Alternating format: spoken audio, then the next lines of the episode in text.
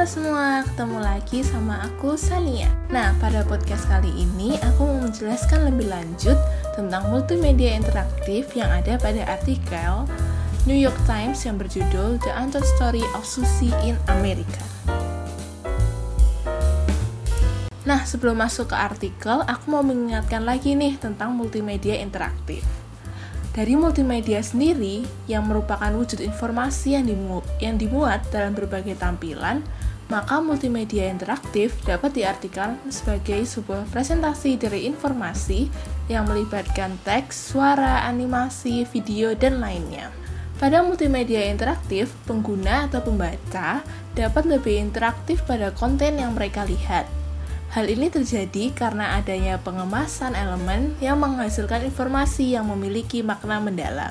Oleh karena itu, terdapat elemen-elemen yang merupakan bagian penting dalam multimedia interaktif. Seperti yang ada pada artikelku, terdapat lima elemen yang disebutkan oleh Tay Vaughan, yaitu teks, gambar, audio, animasi, dan video. Nah, kalau gitu, yuk masuk ke artikel New York Times yang berjudul The Untold Story of Susie in America. Artikel ini dipublish pada tanggal 5 November tahun 2021. The Untold Story of Susie in America ini merupakan karya dari copywriter majalah bernama Daniel Fromson. Fromson juga sering berkontribusi pada artikel yang berisi tentang pendaki gunung, hobi memancing ikan yang terkenal, serta tentang baju bekas. Dalam artikel The Untold Story of Susie in America, Fromson dibantu oleh ilustrator asal Venezuela bernama Igor Bastidas. Basides adalah animator dan direktur di Brooklyn. Ia terkenal akan gambarnya yang simple di storytelling yang terlihat kompleks. Jadi karena gambarnya storytelling yang kompleks dapat kita cerna dengan gambarnya yang simple. Nah, untuk menghasilkan artikel yang interaktif, mereka dibantu oleh Jackie Min yang menambahkan desain dan development pada website The New York Times. Jadi, ada berapa sih elemen yang dipakai Fromsom dalam artikel karyanya ini? Ternyata Fromsom dan tim menggunakan empat elemen penting yang mereka masukkan ke dalam artikel. Yang pertama adalah teks. Fromsom menggunakan teks yang menjadi inti dari informasi yang ingin ia ceritakan. Di mana dimulai dari judul pada artikel, dilihatkan dengan ukuran font yang besar dan tebal, untuk jalan cerita pada artikel teks juga dikemas dengan penggunaan background putih khusus, jadi pembaca bisa dengan mudah membaca teks yang diberikan tanpa adanya teks yang warnanya tumpang tindih atau yang sama dengan background dari gambar.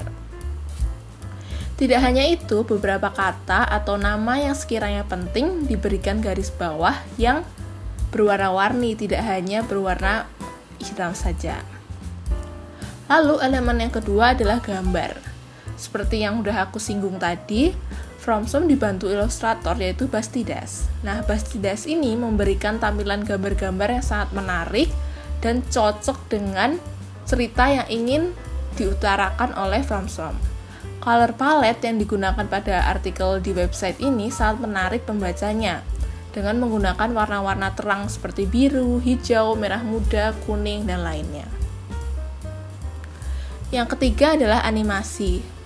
Hasil gambar atau ilustrasi karya Bastidas tadi direalisasikan oleh Min dalam website New York Times-nya menjadi animasi. Animasi pertama yang akan kita lihat jika kita membuka website New York Times dan artikel The Untold Story of Susie in America adalah pada judul artikelnya di mana akan seekor ikan yang sedang berenang di atas judul itu. Selanjutnya, saat kita mulai scrolling artikel, maka kita akan melihat animasi yang dibuat oleh Min menggunakan gambar Bastidas dan teks dari From. Ilustrasi dari Bastidas akan bergerak dan menjadi suatu kejadian seperti ikan yang tadinya hanya gambar ikan biasa, ketika kita scroll akan terjadi gerakan animasi di mana ikan akan terpotong seperti ikan yang siap untuk dimakan di atas piring.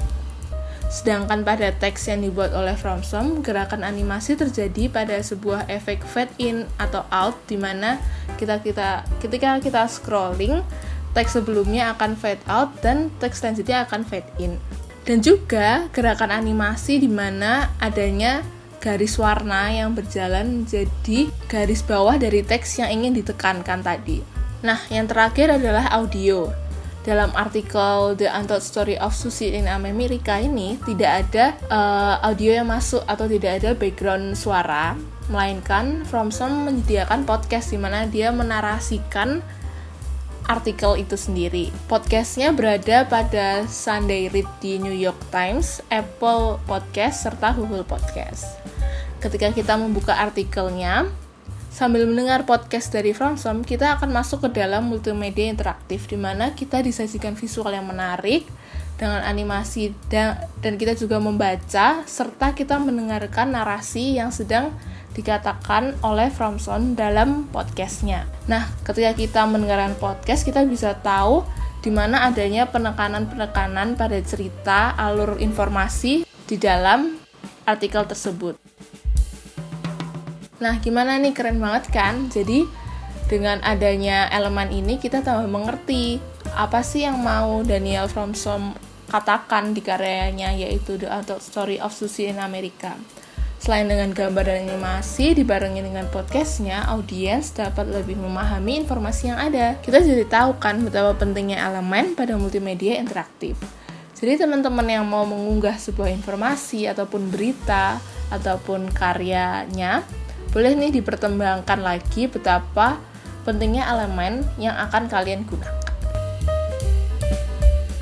Sekian podcast aku kali ini, semoga bermanfaat. Terima kasih.